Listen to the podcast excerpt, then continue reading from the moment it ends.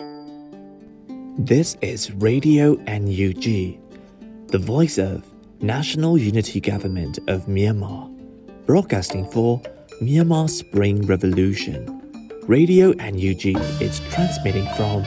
shortwave 16 meter 17.71 megahertz at 8 a.m. and 25 meter 11.965 megahertz at 8 p.m. Myanmar Standard Time. မင်္ဂလာပါခင်ဗျာအမျိုးသားညီညွတ်ရေးအစိုးရရဲ့အတန်လွင့်ဌာန Radio NUG ကိုမနက်၈နာရီမှလိုင်းတို16မီတာ7.3 MHz ညပိုင်း၈နာရီမှလိုင်းတို25မီတာ17.665 MHz တို့မှာဓာတ်ရိုက်ဖမ်းယူနားဆင်နိုင်ပါပြီ။မင်္ဂလာအပေါင်းနဲ့ပြည့်စုံကြပါစေ။အခုချိန်ကစပြီး Radio NUG အစီအစဉ်တွေကိုဓာတ်ရိုက်အတန်လွှင့်ပေးနေပါပြီ။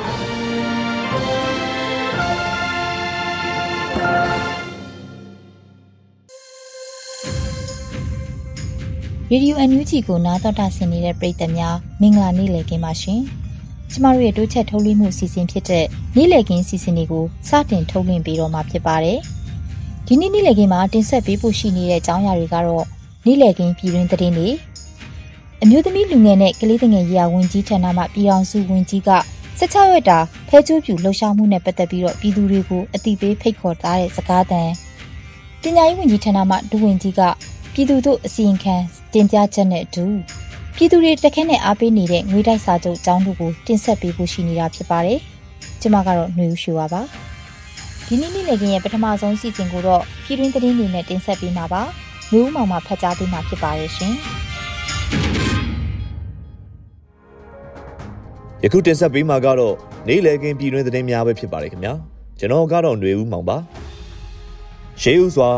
ငွေတိုက်စာချုပ်ဝယ်ယူမှုအတွက်ရှင်းလင်းလွယ်ကူသောအွန်လိုင်းငွေချေးမှုပုံစံကိုပြောင်းလဲကျင့်သုံးမိဖြစ်ကြောင်းစီမံကိန်းဘန်နာရေးနဲ့ယင်းနှိမြုပ်နှံမှုဝန်ကြီးဌာနကအသိပေးထုတ်ပြန်ထားပါတယ်။ငွေတိုက်စာချုပ်ဝယ်ယူမှုနဲ့ပတ်သက်ပြီးရှင်းလင်းလွယ်ကူသောအွန်လိုင်းငွေပေးချေမှုပုံစံကိုပြောင်းလဲကျင့်သုံးမိဖြစ်ကြောင်းအသိပေးတင်ပြချက်ကိုစီမံကိန်းဘန်နာရေးနဲ့ယင်းနှိမြုပ်နှံမှုဝန်ကြီးဌာနကနိုဝင်ဘာလ24ရက်နေ့မှာအသိပေးထုတ်ပြန်ထားပါတယ်။ ထိုအသည့်ပေးချက်တွင်ဖော်ပြထားသည်မှာငွေတိုက်စာချုပ်ဝယ်ယူရေးမှာအစင်းကြီးစည်းရန်အတွက်ဘဏ်အကောင့်အပြောင်းအလဲလုပ်ထားပါသဖြင့် United Bonds Dutch NUG.org တွင်ပြန်လည်စစ်ဆေးပေးကြရန်နှင့်ပုံစံကကြီးကိုထပ်မံရယူခြင်းဖြင့်ငွေပေးချေမှုပုံစံအသက်နှင့်ငွေလွှဲပြောင်းပို့ပေးကြပါရန်မြစ်တာရက်ခံကြောင်းပါရှိပါတယ်ခင်ဗျာ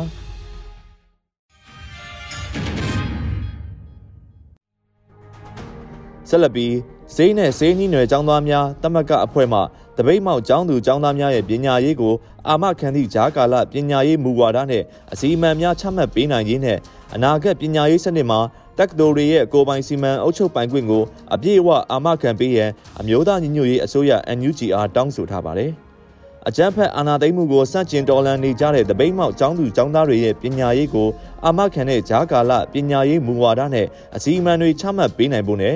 အနာဂတ်ပညာရေးစနစ်မှာတက္ကသိုလ်တွေရဲ့ကိုပိုင်စီမံအုပ်ချုပ်ပိုင်ခွင့်တွေကိုအပြည့်အဝအာမခံပေးဖို့အမျိုးသားညီညွတ်ရေးအစိုးရ NUG ထံတောင်းဆိုလိုက်ပါတယ်။စေးနဲ့စေးနီးနွယ်ចောင်းသားတမကများအဖွဲ့က NUG ထံအခုလိုတောင်းဆိုခဲ့တာပါ။စစ်ကောင်စီလက်အောက်ခံတက္ကသိုလ်အုပ်ချုပ်ရေးအဖွဲ့တွေဟာသက်ဆိုင်ရာတက္ကသိုလ်ကောလိပ်တွေရဲ့ပုံမှန်သင်တန်းတွေနဲ့နောက်ဆက်တွဲသင်တန်းတွေကိုပြန်ဖွင့်ပြီးစစ်ကြုံပညာရေးကိုပြန်အသက်သွင်းဖို့ကြိုးပမ်းနေကြတယ်လို့တောင်းဆိုချက်မှာဖော်ပြထားပါတယ်။ ဒီအချက်ဟာတပိတ်မောင်ចောင်းသားတွေအပေါ်ကြီးမားတဲ့ချင်းချောက်မှုဖြစ်တယ်လို့ဆိုပါတယ်အမျိုးသားညီညွတ်ရေးအစိုးရပညာရေးဝန်ကြီးဌာနအနေနဲ့ကတော့ဂျားကာလပညာရေးစနစ်အနာဂတ်ပညာရေးစနစ်တို့အတွက်လုပ်ငန်းဖော်ဆောင်တဲ့ကိစ္စတွေမှာနှောင့်နှေးနေတာအဆင့်မြင့်ပညာရေးကတပိတ်မောက်ចောင်းသားတွေအတွက်ပညာရေးအပေါ်အာမခံချက်ပြည့်တဲ့ထုတ်ပြန်ကြေညာတာတွေမရှိသေးပါဘူး။ဒါကြောင့်အခုလိုအကြံပြုချက်တွေပေးပို့ရတာဖြစ်တယ်လို့ဆိုပါတယ်။ အမျိုးသားညီညွတ်ရေးအစိုးရအနေနဲ့အားကောင်းတဲ့စင်ပြိုင်အဖွဲ့အစည်းတွေမူဝါဒတွေအပြိုင်လှုပ်ဆောင်နေခြင်းဟာတော်လန်ရေးရဲ့ရေးပါတဲ့ကဏ္ဍတစ်ရက်ဖြစ်ပါကြောင်းအမျိုးသားညီညွတ်ရေးအစိုးရပညာရေးဝန်ကြီးဌာနအနေနဲ့ပညာရေးနဲ့ပတ်သက်တဲ့အခြေအနေတွေကိုပြန်သုံးသပ်ပြီးအချိန်နဲ့တပြေးညီဖြည့်ရှင်းပေးဖို့ဆောင်ရွက်သင့်ပါကြောင်းပါရှိပါတယ်။ဒါအပြင်ပြည်ထောင်စုလွှတ်တော်ကိုစားပြုကော်မတီကိုဧပြီလ၄ရက်နေ့ကအနာဂတ်ပညာရေးကတိပြုလွှာပေးဖို့တောင်းဆိုခဲ့ပြီးပညာရေးဝန်ကြီးကနှုတ်ကတိစကားခံခဲ့တာကြောင့် နိုင်ငံတော်ဝန်ဂျားကာလယာယီတက္ကသိုလ်ကောင်စီတွေပေါ်ထွက်လာခဲ့ပြီးဒီဥပဒေမူပေါင်းတွေမူဝါဒတွေတရားဝင်အောင်ချမှတ်ပေးပြီးအာမခံပေးဖို့လည်းလိုအပ်နေတဲ့အကြောင်းစေးနဲ့စေးနှီးနွယ်ចောင်းသားတက်မကများအဖွဲ့ရဲ့တောင်းဆိုချက်မှာဖော်ပြထားပါတယ်။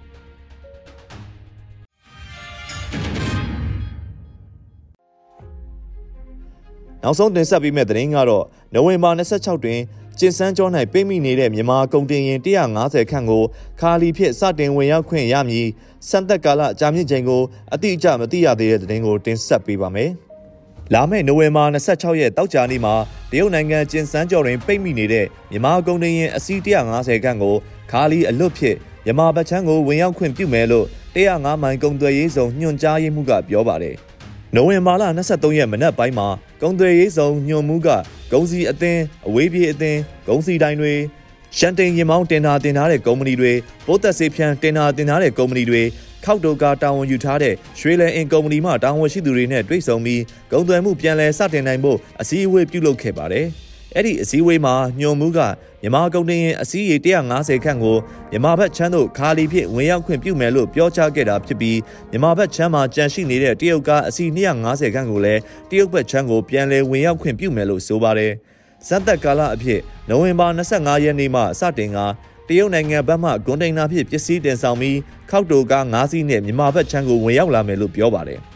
မြန်မာဘက်ချမ်းကမူဆယ်မှာချထားတဲ့ export ပစ္စည်းကား၅စီးကိုကျင်စန်းကျော်ကုန်ချင်းကွင်းမှာ48နာရီပိုးသက်ထားပြီးခောက်တိုကွန်တိန်နာအပေါ်ကိုကုန်ပစ္စည်းချင်းပြောင်းကတရုတ်နိုင်ငံဘက်ချမ်းကိုပို့ဆောင်มาဖြစ်တယ်လို့သိရပါတယ်။စမ်းသက်ကာလနဲ့ပတ်သက်လို့အချိန်ကာလမြည်မြကြာမြင့်မယ်ဆိုတာလက်တလုံးမှာမသိရှိရသေးဘူးလို့105မိုင်ကုန်သွယ်ရေးဆောင်ညွှန်ကြားရေးမှူးကပြောပါတယ်။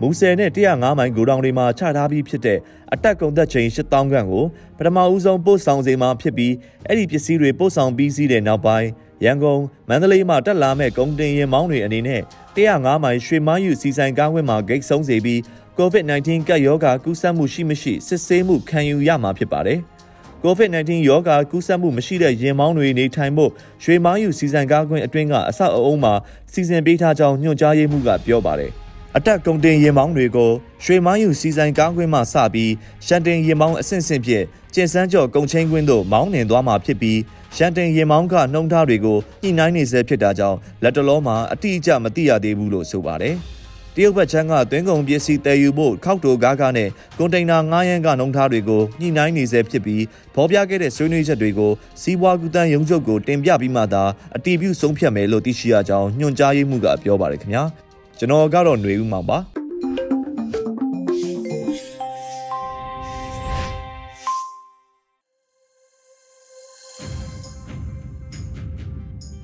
ရေဒီယိုအန်ယူချီရဲ့နေ့လည်ခင်းစီစဉ်လေးကိုဆက်လက်တင်ပြနေပါတယ်။အခုတစ်ခါမှာတော့နိုဝင်ဘာလ25ရက်နေ့ကနေဒီဇင်ဘာ10ရက်အတွင်းမှာကျင်းပပြုလုပ်မဲ့16ရက်တာဖဲကျိုးဖြူကမ်ပိန်းနဲ့ပတ်သက်ပြီးတော့ အမျိုးသမီးလူငယ်နဲ့ကလေးတငယ်ရေးရာဝန်ကြီးဌာနမှပြည်ထောင်စုဝန်ကြီးနော်ဆူဆန်နာလှလှစုကနေပြည်တံကင်းလို့ခွင့်အလေးထအမြင့်ဖြတ်အမျိုးသမီးများအပေါ်အကြမ်းဖက်မှုအဆုံးသတ်ဆိုတဲ့ခေါင်းစဉ်နဲ့ပြည်သူတို့စကားသံတင်ဆက်ထားတာကိုနားဆင်ကြရမှာဖြစ်ပါတယ်။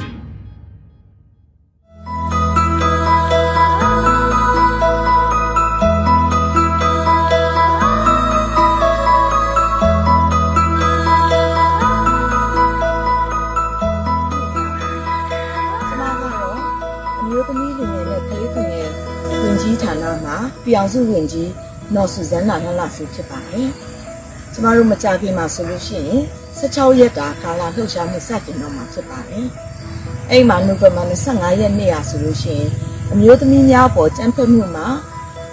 ရက်တန့်ရေးနေ့ဖြစ်ပါတယ်။ကျမတို့ရဲ့ဒီနှစ်ဆောင်ပုဒ်ကတော့ End Impunity and Violence Against Women ပြစ်ဒဏ်ကင်းလွန်ခွင့်အလေးအထားအမြင့်ဖြတ်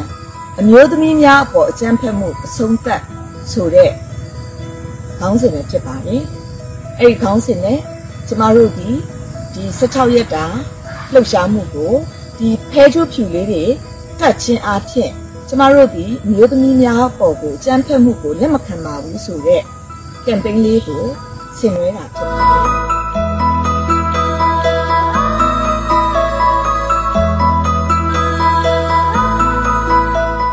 ကျမတို့နိုင်ငံဟာ ပြည်တွင်းစစ်နှစ်90ကျော်ကြာခဲ့ပြီဖြစ်ပါတယ်အဲ့ဒီစစ်မှာဆိုလို့ရှိရင်အမျိုးသမီးတွေဟာအကြမ်းဖက်မှုကိုခံစားရပါတယ်မိမျိုးမျိုးနဲ့နှိမ့်ဆက်ငင်းဆဲခြင်းကိုခံရပါတယ်ကျမတို့အခုစကားစကနေပြီးတော့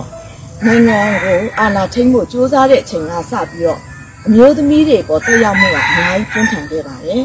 တလောလုံးကချင်းပြည်နယ်နဲ့ ကချင်ပြည်နယ်မှာဖြစ်ခဲ့တဲ့အဖြစ်အပျက်ဆိုလို့ရှိရင်စကားစတပ်သားများမှအမျိုးသမီးတွေကိုအုပ်စုလိုက်မဒင်းချမှုတွေဖြစ်ခဲ့ပါတယ်အင်မတန်ဆိုးဝါးတဲ့ကိစ္စတွေဖြစ်ပါတယ်ဒါဆိုလို့ရှိရင်အခုမှမဟုတ်ပါဘူးလွန်ခဲ့တဲ့အနှစ်80တည်းကကျူးလွန်နေတာဖြစ်ပါတယ်ဘာကြောင့်လဲဒီကျူးလွန်တဲ့လူတွေဟာပြစ်ဒဏ်ကင်းလွန်ခွင့်ရနေလို့ဖြစ်ပါတယ်ဒါကြောင့်ဒီနေ့ကနေစပြီးတော့ကျမတို့ဒီ ကျူးလွန်တဲ့လူတွေကိုပြစ်ဒဏ်ချမှတ်ခံဖို့အတွက်ကျမတို့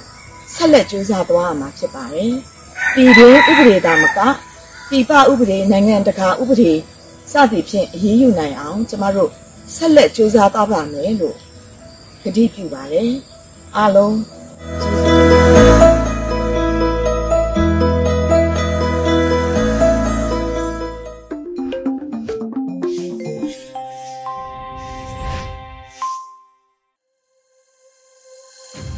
ပြီးနားဆင်ကြရမှာကတော့ပြည်သူတို့အစီရင်ခံတင်ပြချက်နဲ့ပတ်သက်ပြီး6လတာကာလအတွင်းမှာအမျိုးသားညီညွတ်ရေးအစိုးရရဲ့ပညာရေးဝန်ကြီးဌာနမှဒုတိယဝန်ကြီးဦးဆိုင်ခိုင်မျိုးထွန်းကနေပြည်သူကိုအစီရင်ခံတင်ပြချက်နဲ့ပတ်သက်ပြီးတော့မေးမြန်းဆွေးနွေးထားတာကိုနားဆင်ကြရမှာဖြစ်ပါတယ်ရှင်။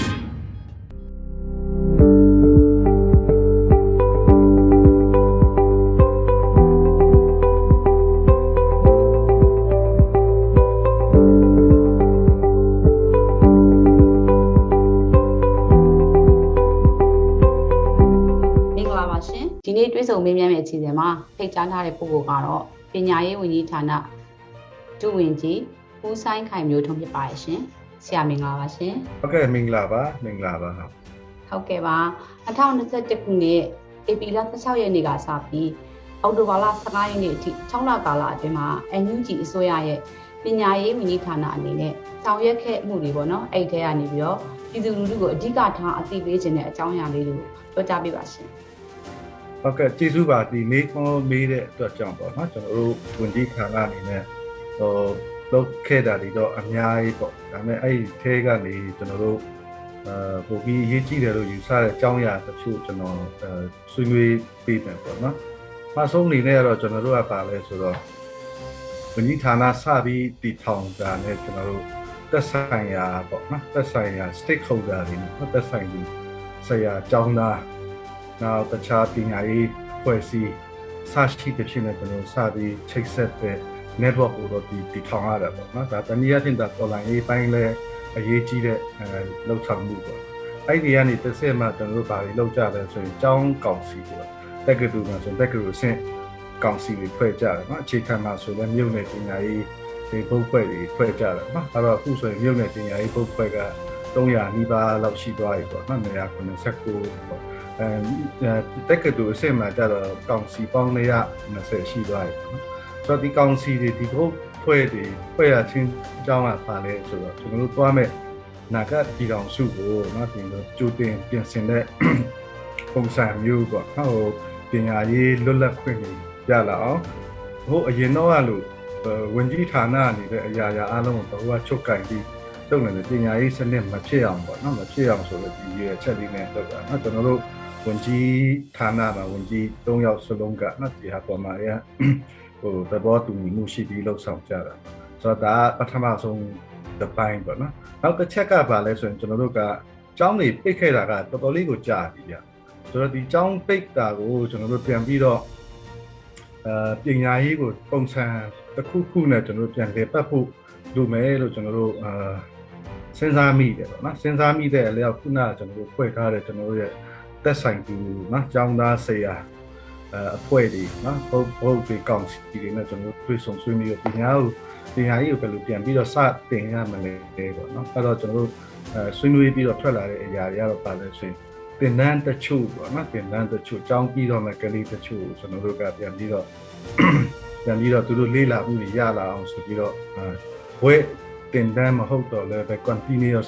learning ပေါ့နော်ဟိုအဲ ဆက်လက်ပြီးတင်ပြမှုတွေရနေအောင်ဆိုပြီးကျွန်တော်တို့ပြင်ခဲ့တာရှိပါတယ်เนาะအဲ့အဲ့ဒီအတွက်လည်းပဲကျွန်တော်တို့ပါလဲဆိုရင်နိုင်ငံတကာမှာရှိတဲ့ပညာရှင်တွေကိုလည်းကျွန်တော်တို့ချိတ်ဆက်ပါတယ်เนาะအဲ့တော့ short course လို့ဟာမျိုးတွေသင်ကြားတာရှိတယ်။နောက် public lecture တွေပေါ့နော်။ဘောက်လျှောက်တာပဲ။အခုဒီလဲကျွန်တော်တို့ဒါတွေလုပ်နေ။ဥပမာပို့ချတဲ့နိုင်ငံတွေ Australia တို့ American တို့ကနေဒါတို့ နောက်တခြားသောနိုင်ငံတွေပေါ့နော်ဒီတောင်ကိုရီးယားဂျပန်ကစပါပါကြပါတယ်နော်ဟို short course တွေမှာဆိုဆိုတော့ကျွန်တော်တို့ကျောင်းသားတွေနေနဲ့ဒီအာနိုင်ငံတကာပညာရေးနဲ့လည်းပူပြီးထိတွေ့ခွင့်ရတာနောက်တစ်ချက်ကကျွန်တော်တို့ရဲ့ပညာရေးကတော်လန်ရေးကိုလည်းပဲထိခိုက်မှုမရှိစေလို့ဆောင်မှုဖြစ်ဖို့လဲလိုရဆိုတော့အဲအကြောင်းအရာကျွန်တော်တို့ရှိပါတယ်နော်ဒီချက်ပေါ့ခံယူချက်လည်းကျွန်တော်တို့ထားထားတာအဲ့လိုမဖြစ်အောင်လည်းကျွန်တော်တို့အဲလုပ်ခဲ့တယ်အဲ့တော့ ဒီ6လကာလတွင်းမှာသင်ကြားရေးလို့နောက်သိမကြခင်မှာကျွန်တော်တို့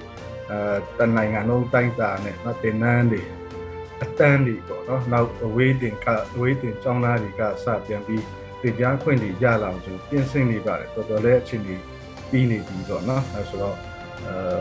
ဒီပိုင်းလေးတွေတော့အများကြီးလို့နောက်ပုံပြီးထူးခြားတဲ့တစ်ခုအနေနဲ့တော့ကျွန်တော်ဝင်ကြီးဌာနတစ်ခုလုံးအနေနဲ့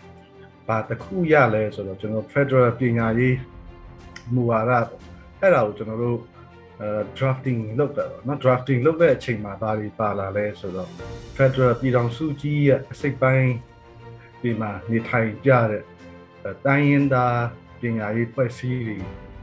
နဲ့ကျွန်တော်တို့ဆွေးနွေးနိုင်ခဲ့တယ်ပညာရှင်တွေပါတယ်ဆိုတော့ဒီဆွေးနွေးမှုကနေပြီးတော့မှကျွန်တော်တို့ Federal မှုကျန်းလေးတစ်ခုပေါ့ draft လေးတစ်ခုကျွန်တော်တို့ထွက်လာပါပြီ ဒီ draft လေးကလည်းပဲကျွန်တော်အမြင်ရပြောရင်တမိုင်းမှာကျွန်တော်နော်ဝန်ထမ်းကြောင်းဆရာတက်တက်ကလူဆရာလောက်တဲ့20လောက်ရှိပါပြီမမဖတ်ဘူးခဲ့တဲ့မူဝါဒမျိုးတစ်ခုပေါ့မြန်မာသမိုင်းမှာနော်ဒီမတန်မကိုစိတ်အတွက်အားရဆရာကောင်းတဲ့မူဝါဒတစ်ခုကိုကျွန်တော်တို့ရလာတော့မယ်ပေါ့နော်ကျွန်တော်တို့အချောတက်လုပ်ငန်းစဉ်တချို့ပဲ အဲကြံတော့တယ်ပေါ့နော်ဒါတွေကတော့ကျွန်တော်ခဲ့တဲ့6လခါလာမှာကျွန်တော်တို့လုပ်ခဲ့တဲ့အရာတွေထဲက highlight လုပ်ပြတဲ့အရာတွေဖြစ်ပါတယ်ဟုတ်ဟုတ်ကဲ့ပါရှင် NUG အစိုးရအနေနဲ့ပေါ့နော်ဆရာဟိုနောက်ထပ်6လတာစီမံကိန်းတွေရေးဆွဲပြီးတော့တော်လိုင်းရေးအောင်ဝဲနဲ့အတူအလင်းအမြန်ဆုံးသက်ဖို့ဆောင်ရွက်နေလို့သိရပါတယ်ရှင်အဲဆိုတော့ကပညာရေးဝန်ကြီးဌာနအနေနဲ့ရောနောက်လာမဲ့6လအတွင်းမှာပေါ့နော်အဓိကထားပြီးဦးစားပေးလှုပ်ဆောင်သွားမယ့်အချက်တွေရောဘာတွေများဖြစ်မလဲဆိုတာ ကျေးဇူးပြုပြောရပါရှင်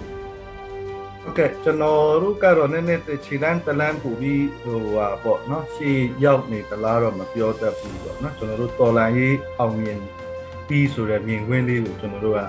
အဲမြင်ပြီးတော့ပေါ့နော်အခုပညာရေးမှာခင်းကျင်းလေးတွေတုတ်ပြီးတော့ခုနကကျွန်တော်ပြောခဲ့တဲ့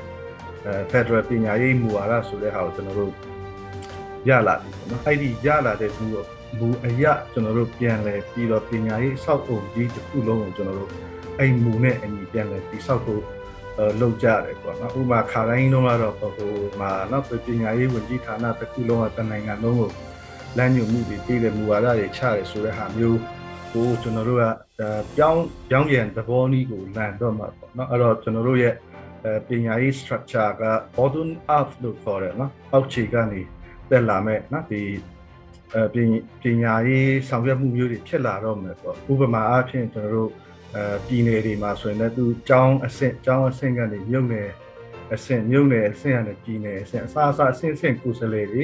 ပညာရှင်တွေသက်ဆိုင်ရာတိုင်းသားအဖွဲ့တွေနဲ့သူပါလာကြတော့မယ်ပေါ့နော်ဒီလိုမျိုးအနေထားနေတာအဲ့ဒီကနေတစ်ဆင့်မှာကျွန်တော်တို့အဲ Federal အဆင့်ပညာရေး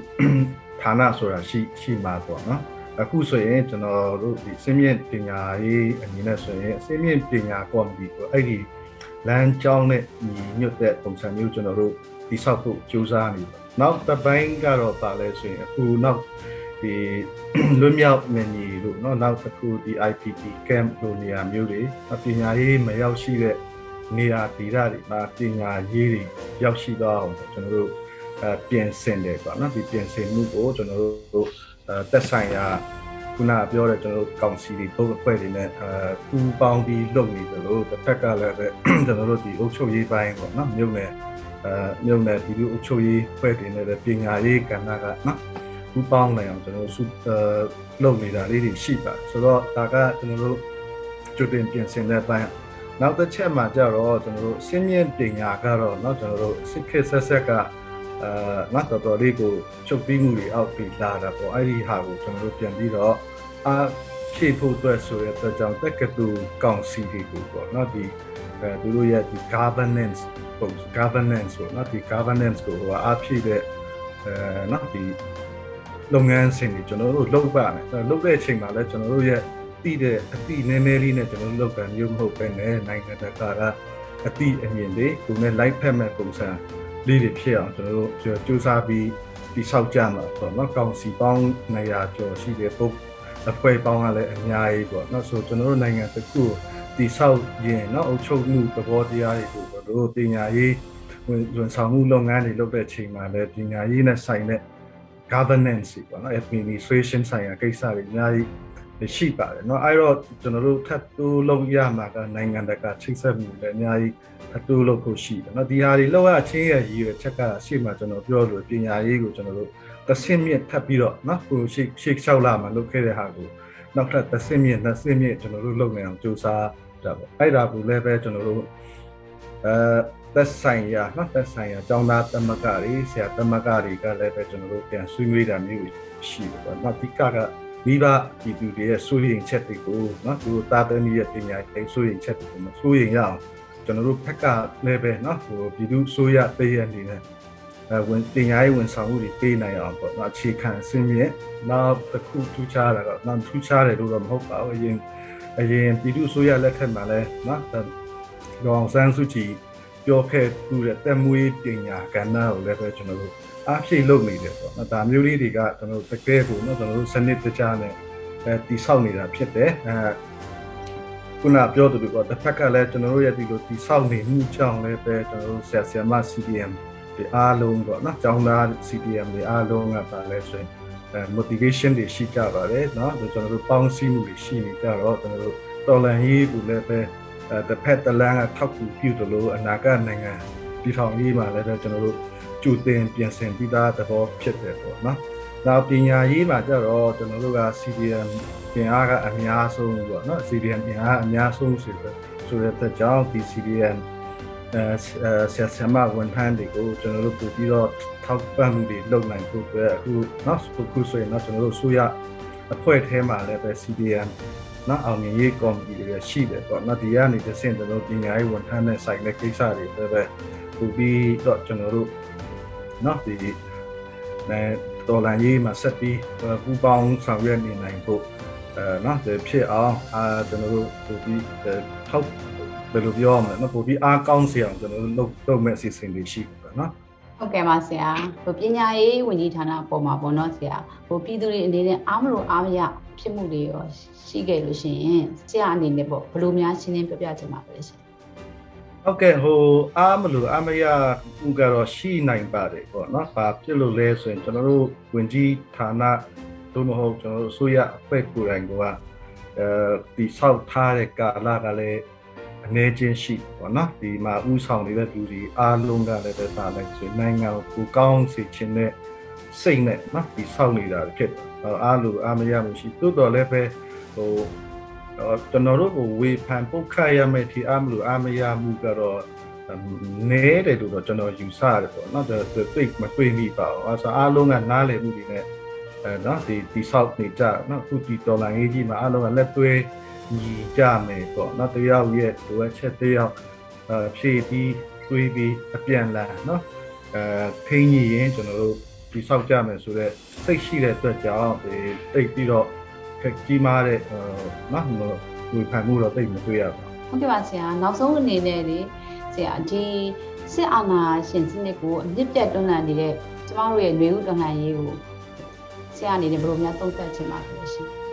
ကျွန်တော်တို့ကတေချာပေါက်အောင်မြင်မဲ့နော်တော်လိုင်းရေးကြည့်ပါအခုကိုအောင်မြင်မှုတွေစရနေပါပြီအာနောက်တဲ့မီဒီယာတွေမှာလည်း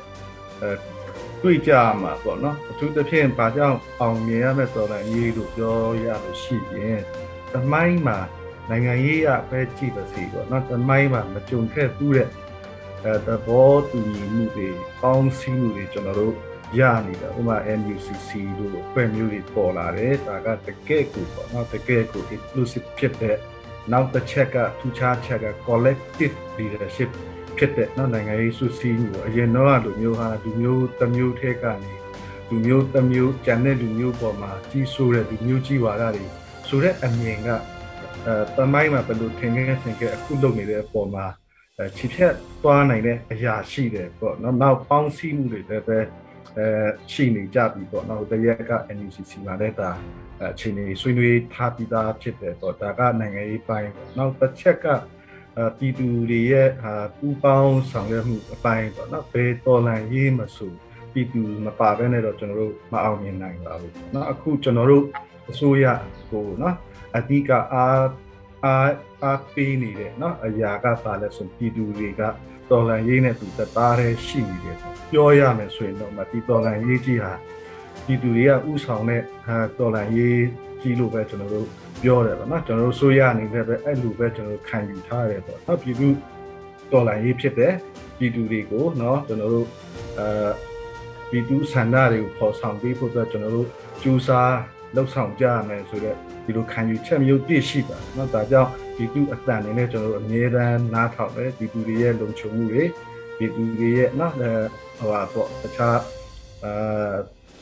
တာယာဝပြောရေးကိစ္စ ပေါ့နော်ကျွန်တော်လူမှုထူလုံရေးလူမှုထူလုံရေးတော့မဟုတ်ပါတာယာဝပြောရေးကိစ္စတွေမှာကျွန်တော်အမြဲတမ်းစဉ်းစားပါတယ်နော်ဒါကဒီတွင်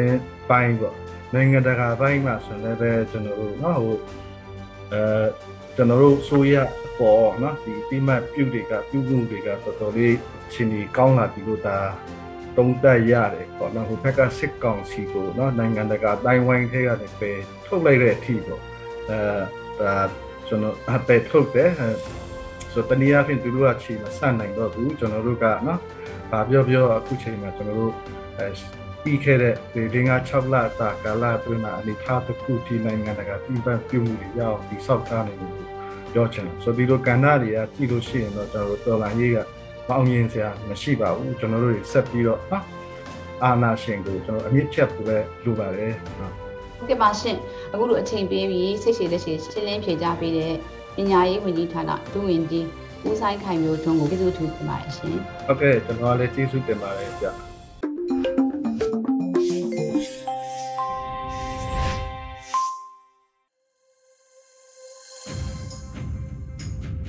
ဒီနေ့နေ့လည်ခင်းရဲ့နောက်ဆုံးအစီအစဉ်ကိုတော့ပြည်သူတွေတခဲနဲ့အားပေးနေတဲ့ငွေတိုက်စာချုပ်နဲ့ပတ်သက်ပြီးတော့ငွေတိုက်စာချုပ် ချုပ်ဆိုတဲ့အခါမှာတည်ထားရမယ့်အချက်လက်တွေနဲ့ပတ်သက်ပြီးတော့တိတိကျကျလုတ်ကင်ဆောင်ရွက်နိုင်ဖို့အတွက်ကိုနှွေဦးအလင်ကာကတင်ဆက်ပေးထားပါတယ်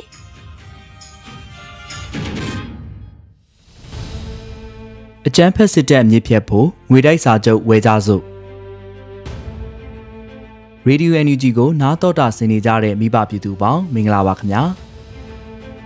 မြန်မာနိုင်ငံမှာဆီယနာရှင်တို့ကလက်နက်မဲ့ပြည်သူလူထုအပေါ်အကြမ်းဖက်နှိပ်စက်ပြီးမတရားအုပ်ချုပ်နိုင်ဖို့အတွက်နိုင်ငံခေါင်းဆောင်တွေကိုမတရားဖန်ဆီးပြီးစစ်အာဏာသိမ်းခဲ့ကြတာကိုပြည်သူလူထုတရက်လုံးကလုံးဝလက်မခံကြောင်းဤမျိုးမျိုးနဲ့ပြသတော်လှန်နေခဲ့ကြတာဖေဖော်ဝါရီလကစလို့အခုဆိုရင်ဆယ်လတာကာလအတွင်းကိုရောက်ရှိလာခဲ့ပြီပဲဖြစ်ပါတယ်။ပြည်သူတွေရဲ့တရားသောရွေးကောက်တင်မြှောက်မှုနဲ့ဖွဲ့စည်းထားတဲ့အမျိုးသားညီညွတ်ရေးအစိုးရအနေနဲ့ ပြည်သူတို့ရဲ့ဆန္ဒကိုအထူးအလေးထားပြီးဖက်စစ်အာဏာရှင်စနစ်မြမမြေပေါ်ကနေ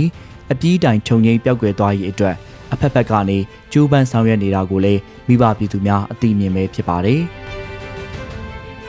အခုဆိုရင်ဆက်အာဏာသိမ်းပြီးနောက်ပိုင်းအာဏာရှင်ကိုပထမဆုံးဆန့်ကျင်တော်လှန်ခဲ့ကြတဲ့ CDM တွေဆက်အာဏာရှင်ရဲ့ပြည်သူလူထုပေါ်မတရားအကြမ်းဖက်မှုတွေကိုလက်နက်ကင်ခုခံတွန်းလှန်စစ်ဆင်နွှဲနေကြတဲ့တနိုင်ငံလုံးက ပြည်သူပြည်သား PDF သူရဲကောင်းတွေနဲ့ပြည်သူလူထုတရက်လုံးပါဝင်ဆင်နွှဲနေကြတဲ့ရွေဦးတော်လှန်ရေးရဲ့ခမ်းနားတဲ့တမိုင်းတစ်ကိုရေးထိုးနိုင်မှုအတွက်အမျိုးသားညီညွတ်ရေးအစိုးရကအထူးငွေတိုက်စာချုပ်တွေကိုနိုဝင်ဘာလ22ရက်နေ့နေ့လယ်2နာရီမှာစတင်ရောင်းချနေပြီပဲဖြစ်ပါတယ်။ရောင်းချပြီးတရက်အတွင်းမှာပဲအမေရိကန်ဒေါ်လာ9.5တန်ဖိုးရောင်းချခဲ့ရတာဖြစ်လို့အဖွင့်လာခဲ့တာပါ။ဒါဟာစစ်အာဏာရှင်ကို ပြည်သူလူထုကဒီလောက်ထိယုံမုန်းနေပြီးအာဏာရှင်စနစ်ကိုမြမမြေပေါ်ကနေအမြန်ဆုံးချုပ်ငင်းစေခြင်းကြတဲ့စိတ်သက်ခွန်အားတွေအခုလောက်ထိထက်သန်နေတယ်ဆိုတာပြသနေတာပဲဖြစ်ပါတယ်။ຫນွေဦးတော်လှန်ရေးကိုအထူးအားဖြည့်ပေးနိုင်မှုအတွက်အမျိုးသားညီညွတ်ရေးအစိုးရအနေနဲ့နှစ်နှစ်တာသက်တမ်းရှိတဲ့အထူးငွေတိုက်စာချုပ်တွေကိုစုစုပေါင်းဒေါ်လာတန်တထောင်ပိုရောင်းချပေးသွားမှာဖြစ်လို့ မြန်မာနိုင်ငံအပါအဝင်ကမ္ဘာတဝန်းကဝယ်ယူလိုကြတဲ့မြန်မာနိုင်ငံသားတွေမြန်မာလူမျိုးတွေအတွက်လုံခြုံစိတ်ချစွာဝယ်ယူနိုင်မှုအတွက်နီးလန်းတွေကိုပြပြပေးသွားမှာပါကျွန်တော်ကတော့ຫນွေဦးလင်ပါပါဝယ်ယူအားပေးလို့ရမယ့်ငွေတိုက်စာချုပ်ကို American Dollar 100တန်900တန်1000တန်နဲ့9000တန်ဆိုပြီးတန်မိုးလေးမျိုးခွဲခြားသတ်မှတ်ထားပါတယ်။ American Dollar နဲ့ပေးချေရမှာဖြစ်တဲ့အတွက်ပြပမှာရှိတဲ့ ကိုယုံကြည်စိတ်ချရတဲ့သူတွေကတဆင့်ချိတ်ဆက်ငွေလွှဲပြီးဝယ်ယူနိုင်ပါတယ်။ဝယ်ယူမယ်ဆိုရင်ကိုယ့်ရဲ့နာမည်မှတ်ပုံတင်နံပါတ်ဝေတက်ကရီဖုန်းနံပါတ်နဲ့အီးမေးလ်လိပ်စာတွေကိုအပြည့်စုံဖြည့်ပေးဖို့လိုအပ်မှာဖြစ်ပြီးဝယ်ယူသူတွေရဲ့သတင်းချက်လက်လုံခြုံရေးအတွက်ကိုလည်းအထူးစီမံဆောင်ရွက်ထားပါတယ်။ငွေတိုက်စာချုပ်ကိုဝယ်ယူတဲ့နေရာမှာဒီလန်းနှမျိုးရှိပါတယ်။ တူးချင်းငွေလဲတဲ့နည်းနဲ့ဝယ်ယူတာနဲ့နောက်တစ်နည်းကတော့ငွေလဲကတတ်တာအောင်စာချုပ်ဝယ်ယူသူတွေအချင်းချင်းစုပေါင်းငွေလဲပေးတဲ့နည်းနဲ့ဝယ်ယူတာပဲဖြစ်ပါတယ်။စုပေါင်းငွေလဲတဲ့နည်းနဲ့ဝယ်ယူတယ်ဆိုတာကတော့ဒေါ်လာ100တန်ငွေတိုက်စာချုပ်ကိုလူတစ်ယောက်ကဒေါ်လာ20နှုန်းနဲ့9ယောက်လောက်ဆက်ပြီးဝယ်ယူတာမျိုးကိုပြောတာမဟုတ်ပါဘူးခင်ဗျာ။ငွေတိုက်စာချုပ်100တန်ဝယ်ယူမဲ့သူတစ်ယောက်900တန်ဝယ်ယူမဲ့သူတစ်ယောက်နောက်ထပ်1000တန်ဝယ်ယူမဲ့သူတစ်ယောက်စုစုပေါင်း3ယောက်လောက်စုပြီး ငွေလဲကတက်တာအောင်ငွေပမာဏဒေါ်လာ1600ကို ID နံပါတ်တစ်ခုတည်းနဲ့တစ်ကြိမ်နဲ့ငွေစုလွှဲပြီးဝယ်ယူတာမျိုးကိုပြောတာဖြစ်ပါတယ်။ဝယ်ယူတဲ့သူအနေနဲ့ကိုကိုတိုင်းပြင်တခြားတစ်ယောက်ကိုအမွေဆက်ခံခွင့်အနေနဲ့ရွေးချယ်လို့ရတဲ့ feature ပါဝင်တဲ့အတွက်ကိုယ့်ရဲ့အမွေဆက်ခံသူရဲ့နာမည်နဲ့ဆွေမျိုးတော်ဆက်ပုံကိုလည်းဖြည့်သွင်းပေးရမှာဖြစ်ပါတယ်။အခုဆက်ပြီးတော့ငွေတိုက်စာချုပ်ဝယ်ယူတဲ့အခါဖောင်ဖြည့်ရမယ့်ပုံစံကိုပြောပြပေးပါမယ်နော်။ ပထမဆုံး www.unitedbonds-nug.org ကိုဝင်လိုက်ပါအရင်ဆုံးတူးချင်းငွေလဲနည်းနဲ့ဝယ်ယူတဲ့နည်းလမ်းကိုပြောပြပေးပါမယ်တူးချင်းဝယ်ယူရန်ပုံစံမှာပုံစံကာကြီးကိုဖွင့်ပြီးကိုဝယ်မဲ့ပမာဏနဲ့ညီမျှတဲ့ငွေတိုက်စာချုပ်အမျိုးအစားကိုဝယ်ယူရန်ဆိုတဲ့အပြာရောင်စာလုံးလေးကိုနှိပ်လိုက်ပါအဲ့ဒီမှာဝယ်ခြင်းတဲ့အဆောင်ရည်အတွက်ကိုရွေးပြီးနာမည်နဲ့ email လိပ်စာကိုဖြည့်ပြီးရင် submit ဆိုတဲ့အပြာရောင်စာလုံးလေးကိုနှိပ်လိုက်ပါ ကိုဖြည့်တဲ့ email လိပ်စာတွေကိုအခုတစ်ကြိမ်စာငွေတိုက်စာချုပ်ဝယ်ဖို့အတွက် order ID နဲ့ငွေလဲပေးပို့ရမယ်ဘဏ်အကောင့်ရဲ့အသေးစိတ်အချက်လက်တွေကို auto reply နဲ့ email ရောက်လာပါလိမ့်မယ်ပြီးရင်တော့ခုနကပို့ထားတဲ့ဘဏ်အကောင့်ရဲ့အသေးစိတ်အချက်လက်တွေအတိုင်းငွေလွှဲပါငွေလဲတဲ့အခါ reference မှာ order ID နံပါတ်ကိုရိုက်ထည့်ပါ order ID ဖြည့်ဖို့လုံးဝလုံးဝမမေ့ပါနဲ့နော်ငွေလဲအောင်မြင်ပြီဆိုရင်ပြည်စာကို screenshot ယူထားလိုက်ပါ အဲ့ဒါပြီးရင်ပုံစံခကိုပြန်သွားနှိပ်ပါပေါ်လာတဲ့ဖောင်မှာ